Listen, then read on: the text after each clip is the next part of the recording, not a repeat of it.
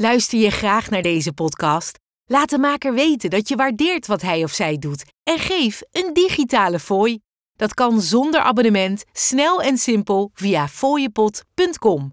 Fooiepot met een d.com. Ik was twaalf toen ik begon met roken. Blowen kwam daar vrij snel achteraan. Alcohol kwam daar eigenlijk vrij snel achteraan. En dat ging over in uh, ook harddrugs. Lieve mensen, welkom bij een nieuwe aflevering van de podcast van Verslaving naar Vrijheid. Mijn naam is René van Kolm. Heel fijn dat je kijkt en luistert. In deze bijzondere aflevering, ook de laatste aflevering van een seizoen, want er komt een heel nieuw seizoen aan, dus blijf vooral kijken. Maar vandaag heb ik een hele speciale gast waar we verslaving ook vooral wat breder gaan trekken. Zijn naam is Robert Bridgman. Ik vind het heel fantastisch en ik ben heel dankbaar dat hij vandaag heeft tijd gemaakt. Dankjewel Robert dat je er bent. Want hij zit niet in Nederland. Het ziet er misschien als je zo kijkt, denk je nou het zou best in Nederland kunnen zijn. Maar het is niet zo. Hij zit in Zuid-Spanje. Ja, ja, ons-Spanje noem ik het. ons-Spanje. Is het daar net zo warm als hier trouwens? Want ik zit in september. Het is hier bloedheet in Zandvoort. Ja, het is hier lekker. Ik denk uh, nu een graadje of 30. Oh ja, nou hier ook. Alleen hier lijkt het dan opeens heel heet in Nederland. Ja, ja. Maar daar gaan we het niet over hebben, over het weer. We gaan het hebben over verslaving, trauma, eigenlijk jouw werk. En, uh, maar ik zal je eerst introduceren en vul me vooral aan wat ik mis. Uh, nou, je bent bekend als spreker, auteur. Je hebt acht boeken geschreven, transformatiecoach en trauma healer. Maar je hebt zelf ook ervaring met het helpen van mensen met verslaving. Uh, en ik ben natuurlijk ook wel geïnteresseerd. Wat is jouw link met verslaving? Waarom ben je überhaupt op dit pad gekomen? En kan je iets over jezelf vertellen? Hoe je eigenlijk überhaupt in een proces van verandering terecht bent gekomen in je leven? Ja, lang verhaal kort. Was uh, in 2007, 2008 is mijn leven totaal veranderd. Ik was daarvoor uh, actief in de bouw. Ik was uh, directeur van een bouwdienstverleningsbedrijf. En uh, ik had altijd het gevoel dat er iets niet klopte in mijn leven. Op jonge leeftijd al, als kind al, als, als puber al, allerlei discussies met mensen over de, ja, dat leven anders in elkaar zit dan iedereen altijd maar zei. En ik had ook altijd het gevoel dat er een soort leven parallel liep aan het leven wat ik aan het leiden was, eh, waar ik wel gelukkig zou zijn. En um, nou ja, we kan later nog wat vertellen over uh, de link met nou ja, allerlei, allerlei uh, middelen en, en, en dergelijke in die tijd. Maar um, ik maakte toen een aantal dingen mee. Ik, ik, was toen getrouwd, ik kwam in een scheiding terecht. Uh, ik moest uh, mijn, uh, mijn functie loslaten. Ik, ik moest het bedrijf uit, wat ik zelf had opgezet. En zo, ja, zo waren er een aantal dingen die heel vervelend waren. En op de een of andere manier kwam er zoveel druk op mijn toenmalige ego-constellatie dat dat knapte. En ehm, ja, toen, toen ik, ik zeg het altijd zo, toen zag ik het licht wat ik uit mijn jeugd zo goed kende weer. Toen dacht ik, als ik nu weer doorga en weer, hè, dus één telefoontje heb ik weer een baan. Maar uh, dan zit ik over een paar jaar weer. En toen ben ik op zoek gegaan naar de waarheid. Hè. Toen dacht ik nog dat er een waarheid was. En dan begin je eerst met je eigen onderzoek. Hè, dus vier jaar zelfonderzoek. Uh, een paar jaar in Azië gewoond. Uh, de hele wereld over geweest. 35 spirituele teachers. waarvan bij sommigen ik nog steeds, uh, die ik nog steeds als mentor heb, is inmiddels al, al nou, goede 14, 15 jaar lang. En um, ja, op een goed moment begon ik, ik, ik begon eigenlijk met energetisch werk. Hè. Dus in, dat zoeken naar de waarheid kom je in, in religies, het christendom, maar ook de gnosis, de mystieke tak van het christendom, in verschillende boeddhistische scholen. Uh, die ging ik dan vervolgens in Azië onderzoeken. Hè. Het shamanisme, die ging ik dan vervolgens bij echte shamanen onderzoeken. Um, allerlei energiebehandelingsmanieren. Uh, ja, ik, ik kreeg allerlei steeds, steeds interessantere leraren, zeg maar. En op een gegeven moment begon ik zelf energiebehandelingen te geven. En dan krijg je vanzelf uh, cliënten natuurlijk. En bij mij kwamen meteen al mensen met heel zwaar trauma.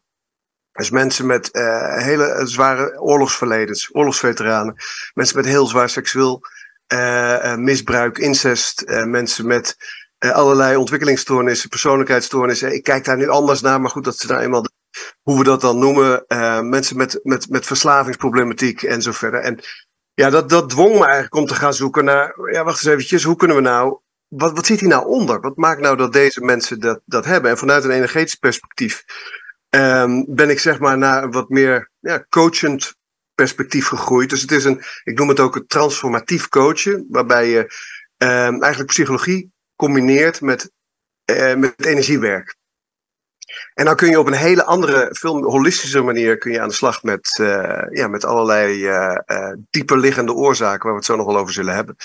Maar dat is eigenlijk mijn, mijn, ehm, ja, mijn, mijn, mijn wakker worden geweest, zeg maar. Ja, maar dat is wel, als je het hebt over een transformatie van jouzelf, van onderneming in de bouw naar, naar die soort dingen dat is echt een, tot, tenminste zo klinkt het, een totale wereld van verschillen. Dus dat is echt ook op zich een hele grote nou ja, verandering in jouw leven. En um, je zegt dan, hè, het klinkt ook alsof mensen die bij jou zijn gekomen, die vastlopen of in de gewone reguliere geneeskunde of, of psychologie geen, ja, niet verder komen. Dat zijn natuurlijk best veel. Hè. Dat ken ik zelf ook wel. Ik heb zelf jaren met mijn verslaving gelopen bij echt heel goed bedoelde hulpverleners. Maar ja, er gebeurde niet echt wat, zeg maar. Je, je komt niet verder. Ja, ik heb wel altijd de, de samenwerking met de reguliere GGZ gezocht. Nog steeds. Hè. Ik uh, werk ook samen met een aantal psychiaters, uh, psychologen en ook met, met andere medi met medici. Geef daar ook transformatieweken voor medici en GGZ-professionals. Om onze manier van werken wat meer uit te dragen. En dat wordt zeker tegenwoordig heel erg omarmd. Maar ik heb altijd die samenwerking gezocht, omdat ik, ik vind dat we allemaal verschillende stukjes van de puzzel hebben. En dus je kunt in mijn optiek niet van iets zeggen dat het niet werkt. Het, het werkt op een bepaalde laag, of het zorgt voor een bepaalde bedding, of voor een bepaald uh, puzzelstukje. Maar je hebt daar ook andere puzzelstukjes bij nodig om een totaalplaatje te creëren. Nou ja, dat, dat, dat vertel je beter dan ik het vertel. Maar ik, ik, uh, ik weet wel dat ik jarenlang met de reguliere hulp, en dat was ook wel een aanpak die bijvoorbeeld in mijn geval, als we het hebben over verslaving, al in eerste instantie niet gericht was op totale abstinentie en stoppen met middelen, maar meer een soort harm reduction. Nou, in ieder geval voor mij werkte dat niet, hè, om nog een beetje te gebruiken en tegelijkertijd aan je herstel te werken, dat werkte niet zo goed. Nou, nee, maar zo... dat is ook al heel ouderwets, René, om het, dat... die harm reduction, dat kennen we niet meer. Nou, ja, nou, het bestaat nog steeds hoor, Robert. oh ja, kennen we dat al? Ja, ja. ja. Oh, ja, er zijn nog plekken in Nederland waar ze daar nog mee fanatiek aan de slag zijn. Met weinig succes. Ik ben altijd vrij kritisch op. Maar goed, het is wel, ik vind het mooi om te horen dat je de, zoals mijn vrouw, uh, Margreta altijd zegt, uh, de NN-methode. Dus en inderdaad dat energetische, spirituele of innerlijke stuk. En een stuk psychologie en psychiatrie. En gewoon, hè, dat, ja, dat is mooi. En er zijn dus inderdaad ook wel wat mensen met verslaving uh, bij jou gekomen. Maar ik ben ook wel benieuwd. Heb jij zelf ervaring met, nou misschien niet zozeer verslaving, maar wel gebruik of het, het wegstoppen van moeilijke gevoelens? Hè? Want dat is, voor mij is dat, ja, daar begint verslaving. Het is, verslaving is meer het gevolg van het patroon waar je dan heel lang in terecht komt. Maar het begint met, ik wil me anders voelen dan ik me voel. Gevoelens wegstoppen, vluchten, niet dingen niet aankunnen. Hoe was dat bij jou? Ja, zeker. Ik hoor bij uh, die groep mensen met een uh, verslavingsgen. Hè, dus ik ben heel gevoelig voor allerlei uh, middelen en, en, en allerlei dopamineverhogers. en ik zeg ook wel eens, ik ben met PTSS geboren. Dus ik, ik had geen trauma in mijn jeugd. Ik ben wel heel erg ziek geweest als, als baby. Maar ik vertoonde al heel snel tekenen van uh, posttraumatische stressstoornis, zonder dat er echt iets heftigs was gebeurd. En nu weet ik hoe dat kwam en, en wat, dat, wat dat heeft veroorzaakt, maar ik had toen natuurlijk geen idee. En um, ik heb in mijn, gedurende mijn jeugd gemerkt dat uh, wat, het, het, voor mij is, is, is de voeder van alle, eigenlijk, nou, alle is een groot woord, maar in elk geval van alle verslavingen die ik ben tegengekomen, is trauma. En um, trauma kan zijn wat, je, wat, wat er gebeurt. Hè? Ik weet uh, wat over jouw verleden. Hè? Dat je vroeger thuis je, je ouders veel ruzie hadden. Dus trauma kan zijn wat je meemaakt. Maar trauma kan ook zijn wat je niet meemaakt. Dus als je bijvoorbeeld een, je ouders emotioneel niet beschikbaar zijn. Um, of uh, zelf niet goed met hun gevoelens kunnen omgaan. Of gewoon fysiek niet beschikbaar. Omdat bijvoorbeeld mijn vader ging s ochtends heel vroeg het huis uit. Kwam s'avonds uh, laat terug. En dan ontstaat er een bepaalde mate van onveiligheid. En onveiligheid is een, een heel diepe sensatie die een kind eigenlijk niet wil voelen. En die onveiligheid ga je vervolgens invullen met allerlei. Ja, dat, dat is een nagevoel wat je niet wil hebben. Dan ga je. Uh, daar, daar komen ook allerlei dingen uit. Hè? Daar kunnen we straks nog wel wat over, over doorzagen. maar ik ging dat dus ook ja, verstoppen, wegduwen. ik, weet, ik was tien toen ik mijn eerste sigaar rookte. Achter de bosjes bij, ja, ja, sigaar. Ja. Ik was twaalf toen ik begon met roken. Uh, blowen kwam daar vrij snel achteraan. alcohol kwam daar eigenlijk vrij snel achteraan. En dat ging over in ook harddrugs heb ik als, met name tussen mijn 14e en mijn 21ste heel veel gebruikt. ik functioneerde gewoon normaal. Hè. Ik, had ook een, ik werkte en ik, ik heb mijn, mijn studie heb ik later gedaan. Ik heb HR, is mijn, mijn opleiding. Uh, maar dat was eigenlijk al heel vroeg als kind dat ik uh, dat allemaal verschrikkelijk interessant vond. en nou ja, dat kom je ook op dingen die mensen vaak liever niet zeggen. Maar porno bijvoorbeeld, hè, 06 lijnen had je toen. Dat vond ik allemaal maatloos interessant. Dus alles wat te maken had met het wegduwen en het onderdrukken van die nare gevoelens, zeg maar. En je gewoon lekker, ik wilde me gewoon lekker voelen. En als puber dan, dan ik, ik, ik, ik, heb, ik hield dagboeken bij en dan lees ik nog wel eens terug dat ik. Um, uh, dan, maar, dan zat ik thuis op mijn kamer, voelde me niet lekker. En dan ging ik maar een jointje roken, want dan voelde ik me tenminste goed. In plaats van dat je naar dat niet lekkere gevoel gaat. En dat, dat leer natuurlijk van niemand om dat aan te kijken. En dat, als je dat helemaal terugvoert, dan, is dat, dan heeft dat voor mij te maken met wat je, wat je met je geboorte meebrengt. Wat je meemaakt in je jeugd. Uh, en, of, of niet meemaakt in je jeugd, zoals ik net aangaf in mijn geval. Maar ook dat je op hele jonge leeftijd, wat uh, bijna elke verslaafde uh, persoon met verslaving, hè, laten we het, laten we het iemand is niet zijn of haar verslaving, maar bijna iedereen die met verslaving te maken heeft, waar ik mee gewerkt heb, heeft één of meerdere momenten gekend in de jeugd waarop hij of zij iets, een slokje bier kreeg. Of een slokje champagne bij, met oud en nieuw. Of wij hadden vroeger in de voetbalkantine shandy, zo'n drankje met 1% alcohol. Dat is, als je een kind, zeker onder de 12, uh, uh, alcohol voedt op jonge leeftijd. Nou, dat, ik heb uh, zo vaak gezien dat dat kan leiden, zeker bij iemand die er gevoelig toe is, tot alcoholisme op, op latere leeftijd. En dat was bij mij dus ook niet anders. Hè? Dus ik was al heel vroeg, kwam ik in aanraking met al die middelen. En uiteindelijk, ehm, tijdens mijn carrière, uh, te mijn na mijn 21ste heb ik dat, kon ik dat redelijk goed managen. Maar dat ging meer eten, werd ik ook heel, heel dik. Ging heel hard werken. Hè, dat is natuurlijk ook een. Uh, uh, en dan ga je stiekem porno kijken en zo. En uiteindelijk, toen ik die omslag maakte naar het leven wat ik nu leid, dat was het moment waarop ik eraan kon werken. En ook kon onderzoeken, hey, wat zit er nou eigenlijk onder? Um, want er zijn, je, hebt, je hebt natuurlijk herstel en je hebt genezen.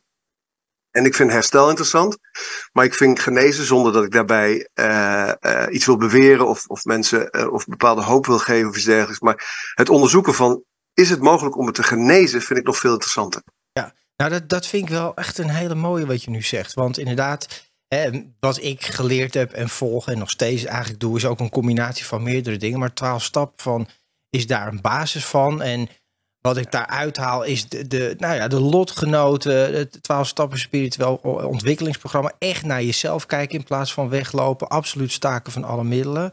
En dan kan je heel ver mee komen. Maar inderdaad, een van de dingen, zo stel ik me al heel lang niet meer voor. Maar van, ja, ik ben René en ik ben verslaafd. Dan blijf je altijd verslaafd. Hè? Als je dat tegen jezelf blijft zeggen, is ook een een mantra die eigenlijk niet helpt. Want je bent het niet, maar je hebt het. En, uh, en ik begrijp wel waarom het gebeurt. Want het eerste wat natuurlijk met de verslaving vooral niet toegeeft, is dat hij verslaafd is. Dat om tijdje te zeggen is best wel.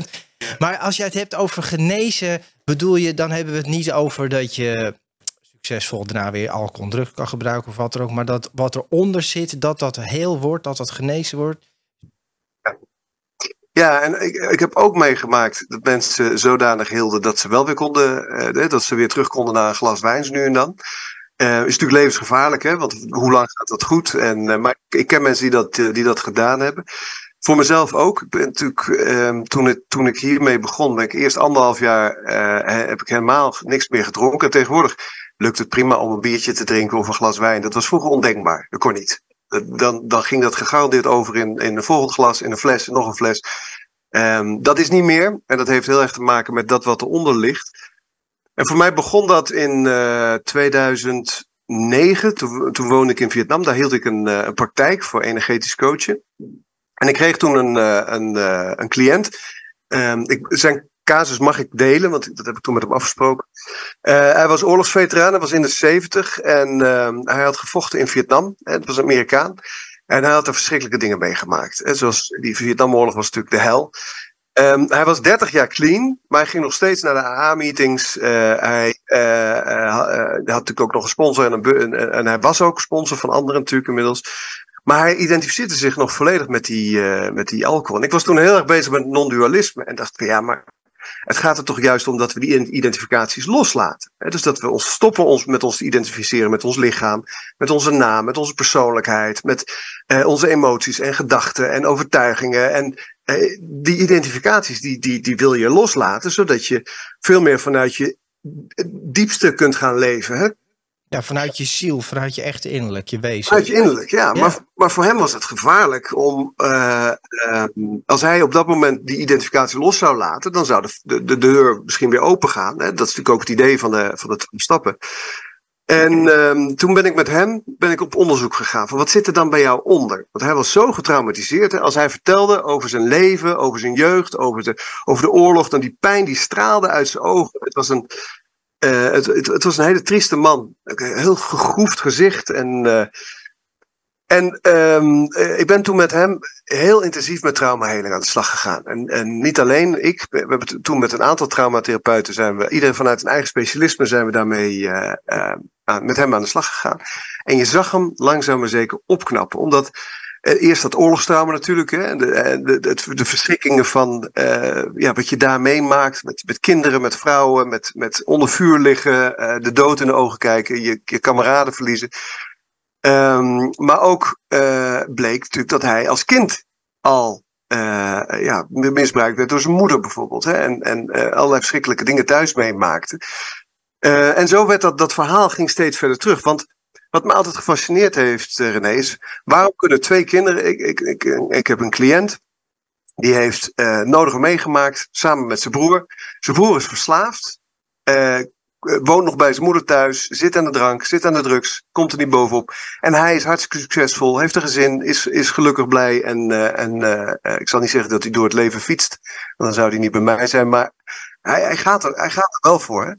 Hoe kan het nou dat die twee mannen die dezelfde situatie hebben meegemaakt zo verschillend zijn? En dat is uiteindelijk, denk ik, voor mij de grootste ontdekking geweest. Hè? Dat, dat, dat jeugdtrauma, dat geeft speelt een enorme rol in het veroorzaken van copingmechanismen waar verslaving er eentje van is. Maar wat veroorzaakt nou dat jeugdtrauma? Wat zit daar nou onder? Wat zit daar nou achter? Wat maakt nou dat je dingen meemaakt in je jeugd? Maar vooral wat maakt nou dat je, hoe je reageert op de dingen die je meemaakt in je jeugd? En dat is eigenlijk waar ik uh, ja, sindsdien mijn, uh, uh, mijn, is mijn grote passie en fascinatie geworden. En uh, sindsdien mijn, mijn tijd aan besteed heb. Ik vind dat mooi dat je dat zegt. En nou, in deze podcast nemen we het ook even een stukje verder aan het einde van dit hele mooie seizoen. Maar Kijk, ik weet ook, ik heb ook een broer. En uh, nou, bij ons thuis was het niet leuk, maar iedereen gaat inderdaad anders met zaken om.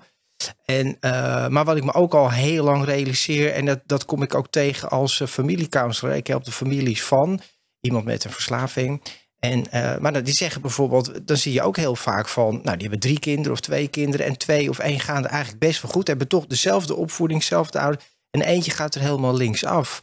Maar ja, ik zeg ook altijd van, ja, je wordt natuurlijk niet blanco geboren. Hè? Er zit al iets in. Je komt hier op aarde met toch een pakketje. En bij de een is dat echt anders dan met de ander. En of je nou dan gelooft in andere levens of niet. Iedereen weet dat dit een feit is. Dat niet elk kind blanco geboren wordt. Dus je neemt al iets mee. En daar, tenminste zo kijk ik ernaar, reageerde ook wel heel anders op zaken. En, en die gevoeligheid ervoor ook. Uh, ik weet niet of je daar naartoe wilde, maar dat hoorde ik ergens wel, wel terugklinken. En, um, nou ja, en dat jeugdtrauma, trauma, Gabor Maté, die ken je natuurlijk ook wel. Die heeft het, okay, ja, ja, ja, die heeft het ook vaak over. Hè, verslaving, hersenziektes, dat wuift hij allemaal weg. En iedereen zijn eigen mening, zijn eigen dingen. Dat is allemaal prima. Het zal voor mij is de combinatie van allerlei dingen. Maar die, ja, voor mij ook. Maar die heeft het altijd over dat trauma inderdaad een van de belangrijkste uh, ja, redenen achterliggend is. En wat ik ook, wat ik heel mooi vind, wat jij zegt, ook de dingen die er eigenlijk niet gebeurd zijn. Dus ik heb heel veel mensen in, in mijn sessies, in groepen. En dan vraag ik gewoon aan, aan ze van, hoe vaak zeg je nou tegen je kind van, nou ik hou van jou, ben trots op jou, ik geef je een knuffel.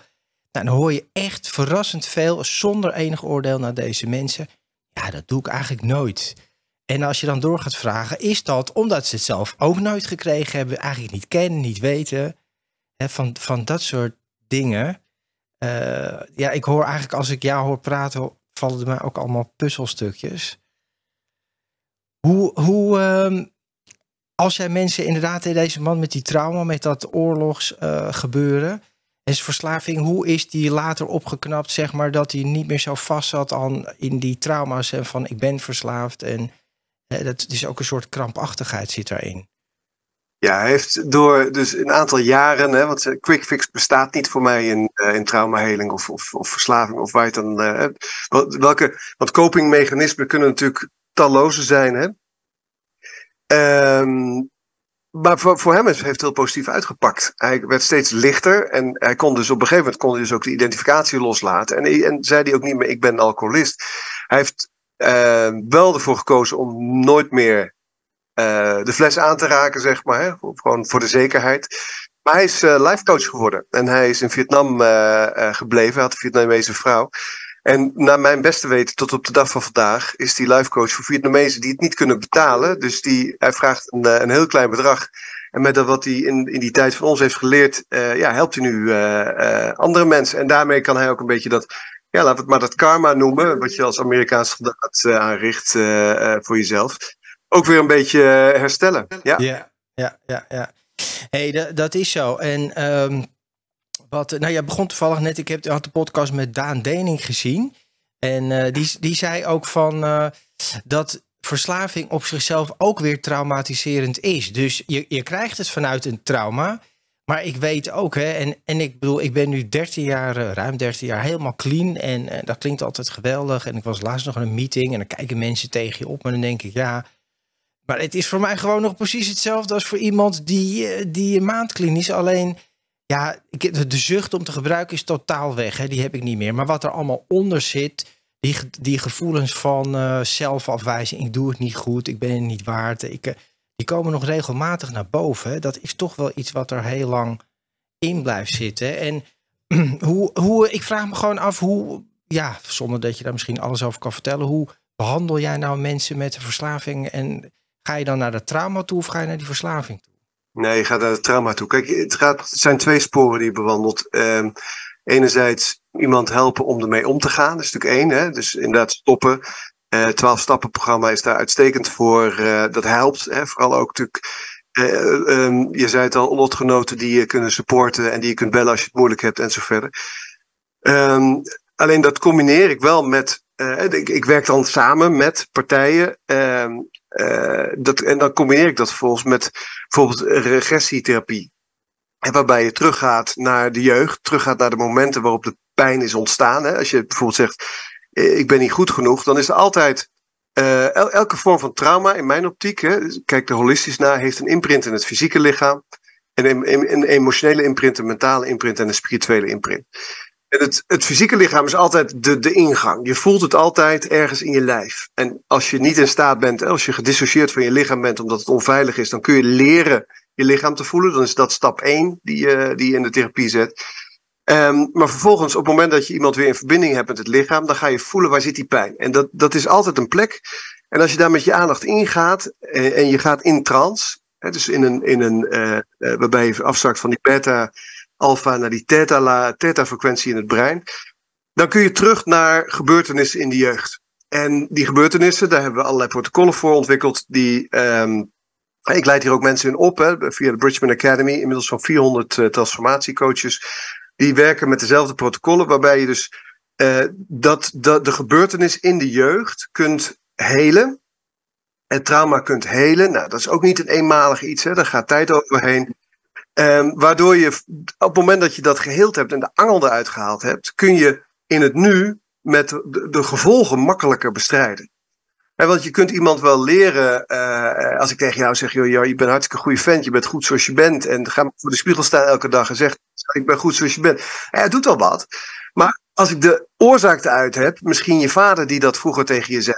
Als we teruggaan naar je jeugd, je hebt, je hebt verschillende soorten trauma. Je hebt impact trauma in de GGZ type 1. Um, ehm, waarbij iets heftigs gebeurt, waardoor je bam, een, een, een imprint hebt. En, en daar dus copingmechanismen omheen gaat ontwikkelen. Bij trauma geldt helaas de regel: uh, tijd hield alle wonden niet. Op het moment dat je een trauma hebt, dan ga je dat trauma, ga je, ja, dan ga je mechanismen omheen bouwen, persoonlijkheidsdelen omheen zetten, je gaat er gedrag omheen zetten, er komen angsten en weerstanden bij, er komen uh, um, uh, onderdrukkingsmiddelen, uh, mechanismen komen erbij, ehm, verdedigingsmechanismen. Dus je gaat het helemaal inkapselen als het ware, ja, totdat je het een keer oplost. Ja, en op het moment omheen dus, bewegen, zeg je eigenlijk. Je gaat er omheen bewegen, zeg je eigenlijk. Ja, dus, we, dus je, dat, dat impacttrauma is één, dat, dat, daar ga je omheen bewegen inderdaad. En het tweede is procestrauma. Dus, dus wat over lange periode van tijd gebeurt. En procestrauma, dat is type 2 trauma in de GGZ, dat is wat fnuikender. Omdat dat vaak uh, langere. Als je vader je lang genoeg het gevoel geeft dat je niet goed bent zoals je bent, of dat je niks waard bent, of jij hebt die conclusie getrokken, hè, want dat gebeurt natuurlijk ook vaak. Um, dan gaat het op een gegeven moment in je hersenen, uh, krijgt dat een bedrading. Hè? Maar het gaat ook in je, in je lichaam zitten, in je celgeheugen, in je emotioneel geheugen. Um, dat wordt een onderdeel van wie je bent. Op een gegeven moment geloof je hè, dat je, dat je ik ben niet goed zoals ik ben. En dat zit zo diep, maar dat kun je wel helen. Daar kun je naar terug en met regressietherapie en met de juiste protocollen kun je die uh, jeugdtrauma's, ook als het procestrauma is, um, kun je dat helen. En uh, op het moment dat je dat geheeld hebt, als je dan voor de spiegel gaat staan en uh, zegt tegen jezelf: Je bent een goede vent, ik hou van je, je mag er helemaal zijn, dan kan dat wel binnenkomen. En dan kun je nieuwe hersenverbindingen heel bewust gaan, gaan aanleggen bij jezelf. Mooi. Ja. Nou ja, en dat is, dat is zeker wel belangrijk met mensen. Daar begonnen we eigenlijk mee met verslaving, zoals ik zelf ook weet. Het begint natuurlijk gewoon met, in mijn geval, zoals ik het weet, gewoon een, een knagend naar leeg gevoel wat je wil weg hebben. Wat ik wilde weg hebben in ieder geval. En uh, wat heel goed werkte met heel veel drugs, tijdelijk, totdat er... Zeker. Ja, ja. dit is geen reclame, maar nee, maar ja, het werkt, het werkt heel tijdelijk. Hè? En, en uiteindelijk, uiteindelijk wordt die, die, dat gat wordt steeds groter natuurlijk. Nee, goed, dat, dat is allemaal bekend. Maar de, de, de, de, de kijk, de vraag is natuurlijk, wat is dat gat? En waarom is er een gat? Waarom is de depressie? Waarom is de eenzaamheid? Waar komt dat vandaan? En eh, daar wil je in. Hè? Dus op het moment dat je, dat je. Want verslaving, er wordt van gezegd, de eerste fase is altijd dat je. Het, het geeft je een goed gevoel. Maar ga er, mijn overtuiging is dat het altijd een, een, een slecht gevoel vermindert. Vanaf dag één al. Je voelt je niet lekker, je voelt je leeg, je voelt je zinloos, doelloos, niet goed genoeg, niet gehoord, niet gezien. En dan komt er een middel waardoor je ineens wel degene kunt zijn, of in elk geval je kunt voelen zoals je eigenlijk, wauw, ik voel me goed, nu ben ik mezelf, dit is hoe ik wil zijn. Ja, en dan uh, ontstaat het patroon natuurlijk. Alleen, dat werkt niet omdat het een surrogaat is. Het is een, uh, um, uh, een, een, symptoombestrijder. Maar als de onderliggende gat blijft zitten en de depressie en de, en de, de negatieve ehm, zelfbeelden en dergelijke, ja, dan kun je er zoveel in stoppen als je wil en zoveel dopamine aan, oproepen als je wil. Maar dan blijf je, dat, dat gat blijft er. Dus hoe, hoe, hoe verder je komt, hoe groter dat gat eigenlijk wordt. Hè? Hoe groter het, het verschil wordt tussen jou en dat gat. Want je voelt je, als je gebruikt hebt, voel je je hier. Als je niet gebruikt, dan voel je hier en dan val je daar weer in. En dat weer doodeng, dus je gaat weer gebruiken. En je hebt natuurlijk ook steeds meer nodig. En je gaat steeds meer gebruiken. Je gaat verschillende middelen onderzoeken. Je gaat ja, en, en, en je vlucht als het ware in je verslaving steeds verder vooruit, steeds verder weg bij de werkelijke pijn. Maar ga die pijn maar eens aankijken. Nou ja, maar dat is nou precies wat iemand met de verslaving niet wil. Maar ik merk, ja, maar ik merk wel, dat is niet alleen met mensen met de verslaving, dat is bij iedereen. Wie wil nou naar zijn pijn toe? Wie wil nou naar de plek toe waar het pijn doet? Dat wil eigenlijk niemand. Want dat is gewoon heel lastig. Alleen, uh, dat is natuurlijk ook met, met de verslaving. Moet je wel, soort van. Want anders ja, gaat, het, gaat het hem gewoon niet worden. Er zijn toch nog mensen die dat uh, heel lang kunnen uitstellen. Of daar uiteindelijk nooit komen. Maar ja, dat is lastig. Hè? En het dan. Een van mijn eerste uh, geweldige kerel. Nou, ik kan zijn voornaam noemen, Leo, die mij in het begin geholpen heeft. En het was een soort oude, ja, een soort Jezus-figuur, een hippie. Ik vond hem geweldig. Hij was mijn begeleider in een safehouse, soort begeleid. En die keek me altijd aan en die zei die, wat je ook doet, niet fixen. Gewoon laat het gewoon zijn hoe je, want ik was in het begin, toen ik stopte, ik was zo van wat moet ik nou doen hè? Eh, hoe moet ik nou de dag door? En ik vond alles ingewikkeld en spannend en ik wist gewoon niet hoe ik moest leven. Daar komt het op neer. En hij kon dan heel mooi vertellen, nou, dan ga je opstaan en dan ga je naar een bakker en dan koop je een brood. En dacht ik, oh ja, dat, dat daar een beetje, ik zeg gewoon hele. Maar hij zei ook, al die moeilijke gevoelens, laat ze gewoon zijn. Maar ja, dat, dat is toch. Uh, dat vind ik nog wel eens een hele uitdaging hoor. Ik heb nog periodes dat dat zo naar boven komt. Uit het, voor mij uit het niks. Dat zal, ja, dat zal bij mij ook dan nog trauma zijn. Onge, ongeheelde wonden. 30 jaar is lang en daarvoor was uh, ja, ouders met uh, oorlogstrauma en toestanden. Ja, dat, dat gaat gewoon niet zo snel weg. Maar het er laten zijn en er doorheen leven en er doorheen ademen is nog wel echt een grote opdracht. hoe, hoe, ik vind het super mooi wat je vertelt. Hoe doe jij dat? Je zegt in je eigen leven heb je toch ook wel dat het spannend was en de druk van werk en, en ook middelen. Um, hoe ben jij dat ja, je zegt dat je bent dat gaan doen hè, door middel van, nou, je bent naar Azië gegaan, naar teachers gegaan. Maar was er op een gegeven moment ook bij jou een knop van, nou, dit moet heel anders en ik stop met alles? Of is dat langzaam aan zo gekomen? Nee, dat is er ook geweest. Dat is het moment waarop ik heel uh, um, rigoureus met alles stopte. Maar ook met vlees eten, de tv de deur uitsmeet. Uh, allemaal dat, dat. Wat heel veel mensen hebben die op dit uh, pad komen. Um, uiteindelijk, eh, in, in het begin word je een soort heilige. Hè? Dan ga je alles perfect. Tenminste, dat had ik. En ik zie dat ook veel om me heen. Maar uiteindelijk landt dat allemaal wel weer en word je gewoon weer jezelf.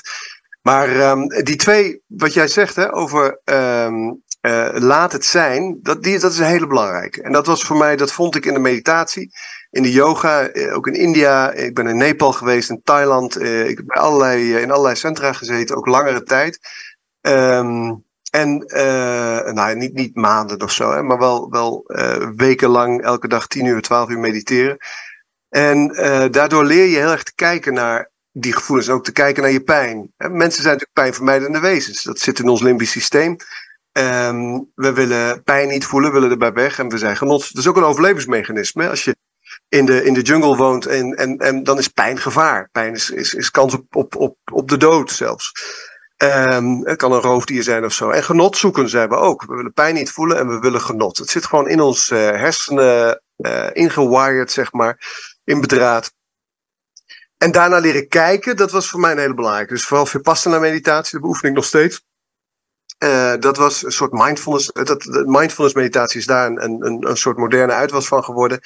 Maar die Vipassana, daar leer je dus heel erg kijken vanuit je, je essentie naar je fysieke lichaam, je zenuwstelsel, je emoties, je pijn, je overtuigingen, je gedachten, zelfs tot in je karma, je, je zielsdelen.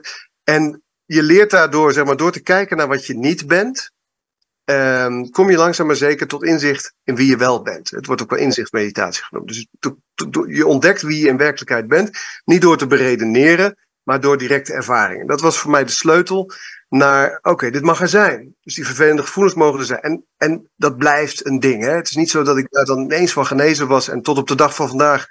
Um, uh, ja, is dat een dagelijks spel wat je speelt? Uh, kunnen we straks nog wat meer over vertellen.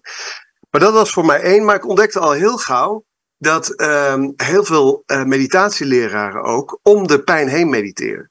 Dus je, je hoort ook regelmatig grote seksschandalen van meditatiesleraren. Dat ze dat ze dus bepaald trauma laten zitten. En toen, um, mijn eerste uh, meditatieleraar was Dingeman Boot uit Zwolle, vrij bekende meditatieleraar. En die zei ook altijd, meditatie moet je combineren met psychotherapie. Je moet die twee, je dus, want die grote trauma's, die, die, die moet je op een andere manier helen. Die kun je niet met, alleen met meditatie doen. En toen ben ik dat, dat pad gaan onderzoeken. En, en nou ja, toen kwam natuurlijk die, uh, die um, uh, traumaheling. En toen alles wat ik kon vinden op dat gebied, dat ben ik gewoon gaan doen. Opleidingen, trainingen. Uh, als er dan een, goeie, een, een, therapeut uit het buitenland kwam, of bijvoorbeeld een regressietherapeut, dan ging ik daar sessies bij boeken. Ik ging bij mensen in de leer, uh, om mezelf helemaal op te schonen. En daar ontdekte ik de kracht van enerzijds transformatiewerk en anderzijds meditatie. Het is bewustwording. En die twee gaan voor mij hand in hand. Het is niet het een of het ander, het is allebei. Ja, ja, mooi. Nou ja, en, en daar heb ik ook gevraagd voor deze aflevering van, van dit seizoen. En omdat eh, voor mij is dat helemaal niet vreemd. Maar ik zie nog zoveel mensen. En misschien ook mensen die nu kijken. En dat mag ook, prima. Die daar weerstand hebben. Het is belachelijk. Het is een schande. En zijn niet goed bij hun hoofd. Maar op een gegeven moment is het eigenlijk al zo logisch. Hè, dat, dat je wat je niet uitwerkt meeneemt en dat je daar in het leven mee verder moet. Iedereen kent dat wel. Elke les die je niet oplost, ja, die krijg je steeds en steeds weer terug en dan moet je weer mee aan de gang. En het maakt het eigenlijk zoveel logischer in plaats van uh, ingewikkelder. Maar ik, uh, ik hoop alleen maar, en dat is ook wel de tijd waarin we leven. Gelukkig komt er steeds meer bewustzijn dat je les hebt die je moet, uh, moet leren. En moet, maar heel veel dingen krijgen dan ook een plek. Ik vind het juist logischer van heel veel van die dingen die blijven onbegrijpbaar. Ik heb ook heel veel ouders die dan maar blijven zeggen van ja, waarom nou en hoe dan en wat is dan de oorzaak? Uh, daar heb ik ook geen antwoord op, want dat weet ik natuurlijk ook allemaal niet. Maar er is wel, er, ergens komt iets vandaan. Het is niet allemaal zomaar. En, en uh, dus dat is wel heel mooi dat, dat jij dat doet en steeds meer mensen daar uh, bewust van zijn. En hoe kijk jij nu, hè, als we nu gaan naar deze tijd, zeg maar, ik zie, nou, toen ik in die uh, jeugdkliniek kwam werken, waar ik nu werk, zag ik echt jongeren. Daar, daar begint de leeftijd 13, hè, van 13 tot 23. Maar ik zie wel de laatste jaren gewoon zo'n glijdende schaal van problematiek die ernstiger wordt. Uh, verslaving wat echt fors is bij jongeren van... Je denkt, ja, 14, 15, kom op, dealen, criminaliteit. Uh, hoe kijk jij daarnaar? Zeg maar, aan de ene kant lijkt alles het bewustzijn te vergroten in de wereld. Aan de andere kant lijkt het ook wel steeds. Alle twee neemt het toe. Hoe kijk jij daarnaar? Mechanismen die ervoor zorgen dat het bewustzijn ook, eh, het, vooral bij jongeren, eh, de kop ingedrukt wordt. Hè? Dat heeft alles te maken met digitalisering, eh, schermpjes, gaming. Er zijn natuurlijk, uh, ik, ik, ik, loop dat nu zelf met mijn elfjarige, mijn oudste zoon. Uh, die wil natuurlijk graag allerlei spelletjes spelen waarin mensen omgelegd worden. Weet je? En ik, je weten dat dat in zijn onderbewustzijn gaat meespelen. Dus ik zeg nee, maar zijn vriendjes doen het wel. Hè? Dus het is heel ingewikkeld. Het is moeilijk. Ja, hoe doe je dat? Hoe ga je ermee om als vader? Vind ik wel, wel goed dat je daarover Nou, gewoon door, door daar mijn poten stijf te houden. Kijk, alles wat hij uh, voor. Kijk, zijn hersenen zijn pas uitontwikkeld rond zijn. ergens tussen zijn 23ste en zijn, en zijn 30ste. En uh, alles wat ik er nu in stop, of wat ik er nu uh, toestemming voor geven om erin te dat, dat, voor de, dat kunnen imprints worden. Zeker als dingen zich herhalen. En um, kijk, als je um, gewend bent om elke dag twintig mensen dood te schieten in je gaming, dan ontstaat er een bepaalde mate van gewetenloosheid. En dan wordt het veel makkelijker om de grenzen op te zoeken. Want het, zie je natuurlijk ook wel, uh, het zijn allemaal copingmechanismen. Hè? Je, het zijn, de jongeren hebben ook tekenen van verslaving. Dus uh, grenzeloosheid, uh, manipulatief, makkelijk liegen, dingen ontkennen. En het, het, het, het, zijn allemaal kopingsmechanismen die we de, de, de, de, gevolgen van zien. En dat heeft ook met COVID te maken bijvoorbeeld. Hè? Dat we een, een hele generatie hebben die, die gewoon een, een tijd thuis heeft moeten zitten. En die uh, uh, daardoor, ja, er komt een zoontje binnen. Nee, lieverd. Nee, nu, nee. Oh ja, ga maar even zwemmen of zo. Ik kom straks bij je. Ik ben even in gesprek met René. Nee, schat. Is die van vijf. Die komt vragen of hij op zijn iPad mag. Ja, ah, we hadden het er net over. ja, mooi, is geen toeval, hè? ja. Nee, maar dus, en, en eh, weet je, dus heel, er hebben heel veel jongeren gewoon doelloos thuis gezeten een paar jaar lang. En uh, ik, ik, ik zie dat in mijn omgeving bij neefjes, nichtjes ook, wat dat met ze gedaan heeft. Hè? Dat, doet, dat doet gewoon verschrikkelijk veel. Um, ik denk dat de invloed van films, uh, televisieseries, Netflix, um, daar een enorme rol bij speelt. Dus er zijn allerlei, allerlei mechanismen die eigenlijk die, die bewustwording dempen. Daar staat tegenover dat er ook steeds meer jongeren zijn die wel die bewustwording opzoeken. En die, dat, die groep wordt ook steeds groter. dus je hebt zeg maar licht en donker, dat, dat houdt, zich, houdt elkaar nog, uh, nog mooi in balans op het moment. En ik zie dat uh, er steeds meer coaches zijn, ook mensen die wij opleiden, die met jongeren gaan werken. Of die groepen jongeren die daarmee aan de slag gaan. En ja, ik vind het prachtig om te zien. Wel positief gestemd hoor, René. Ja, ja, wat, ja. wat hebben we nodig, Robert, om de wereld uh, heel, heel groot te maken? Ja, want verslaving is natuurlijk ook een gevangenis. Hè? Ik, ik weet het zelf, waar je gewoon niet verder komt, waar het gat alleen maar groter wordt. En wat, wat kunnen we nou doen? Of wat zou jij zeggen ook, dat is natuurlijk mijn straatje, tegen de ouders of de naasten, de partners van iemand die een verslaving heeft? Wat, wat is jouw boodschap aan hun? Wat kunnen zij doen? Nou, verslaving is uh, paracetamol, hè? dus de, de, de dopamine, zeg maar. Het maakt niet uit of je nou gokt, pornoverslaafd bent, uh, cocaïneverslaafd bent, crackverslaafd bent, rookverslaafd bent, alcoholverslaafd bent, werkverslaafd bent, shopverslaafd bent. Uh, het maakt niet uit wat voor verslaving je hebt. Het draait om één ding uiteindelijk. Dat is de, de, de dopamine in, je, in je systeem. De dopamine is een paracetamol. Hè? Als je hoofdpijn hebt, neem je een paracetamol. Als je elke dag hoofdpijn hebt en elke dag een paracetamol nodig hebt, dan is het misschien een goed idee om eens te gaan kijken, hey, waar komt die hoofdpijn eigenlijk vandaan? Um, als je elke dag dopamine shots nodig hebt, uh, om dat dopaminepompje aan te, aan te uh, laten gaan, dan is het misschien een goed idee om, hey, wacht eens eventjes, welke pijn ben ik aan het onderdrukken? Wat zit daaronder? En ik denk ook dat als je uh, mensen in je omgeving hebt die verslaving, verslaafd zijn, dat, jou, dat het beste wat je voor ze kan doen, is ze daar steeds op wijzen. En ze meenemen uh, en ze de mogelijkheid geven, de kans geven, misschien een boek overhandigen, over praten, hoe vervelend dat ook is. Joh, leuk dat jij verslaafd bent, maar uh, je kunt wel stoppen, maar dat heeft geen zin, want dan ga je weer iets anders vinden. Ga die pijn aan.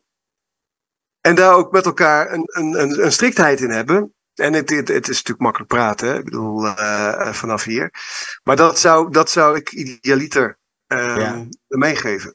Ja, dus het, het is zowel voor degene met de verslaving als de mensen eromheen want wat dat doen de mensen eromheen ook. Want dat herken ik nogmaals. Ik had de allerliefste moeder in de hele wereld.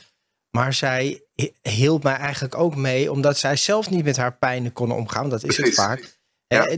Dat had zij ook niet geleerd. Zij stopte alles weg. Maar ze hielp ook mijn pijn ook weer weg te stoppen. Hè, door, uh, nou kom maar weer hier. We gaan iets leuks doen. En uh, we zetten een filmpje op. En we gaan wat lekker eten. In plaats van echt praten waar het over gaat. En die confrontatie gaan. Nou, dat deed niemand bij ons thuis. Nee dus toch echt naar de, naar de pijn toe gaan. Maar ja, ik denk altijd, dat moet je niet alleen doen. Hè. Dat moet je ook vooral niet alleen. Daar kom je ook vaak alleen niet uit. Nee, dat, moet je zeker niet alleen gaan doen. Maar het is wel voor, voor familieleden en, en, en, en um, partners. Ga zelf ook je eigen pijn aan. Want dat is confrontatie. Hè? Je, je, je, je, zult, je kunt niet alleen maar zeggen tegen je uh, verslaafde uh, uh, zoon, dochter, broer, partner: jij moet het aangaan. Nee, je moet het zelf ook aangaan. En dat is voor heel veel mensen hebben, ik zei het al, we zijn pijnvermijdende wezen, maar heel veel mensen hebben beerputangsten.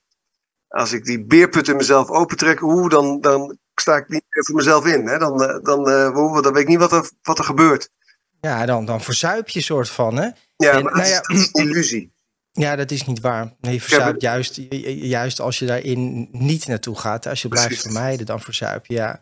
Ik heb nou ja, alle, alle duizenden sessies die ik heb mogen doen met mensen, heb ik nog nooit iemand gehad die daarin verzopen is. Sterker nog, 99% van de mensen zeggen: Was dat nou alles? Heb ik daar mijn hele leven voor weggelopen? Heb ik daarom zoveel shit gebruikt? Heb ik daarom zoveel ellende meegemaakt? Om, om dat? En nou is het weg. Ja. ja, daar gaat het om. hey Robert, eh, nog even je laatste boek. Hoe heet je laatste boek? Trauma. Je bent gek als je het niet hebt. Ja. En dat gaat, dat gaat om uh, um, Nee, wel, sorry, wat wil je vragen?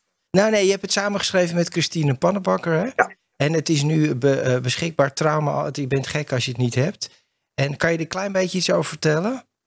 Ja, het gaat heel erg om trauma met de kleine T. Hè? Je hebt de grote T en de kleine T. Dus het, het, het procestrauma wat we eigenlijk allemaal in onze jeugd hebben meegemaakt.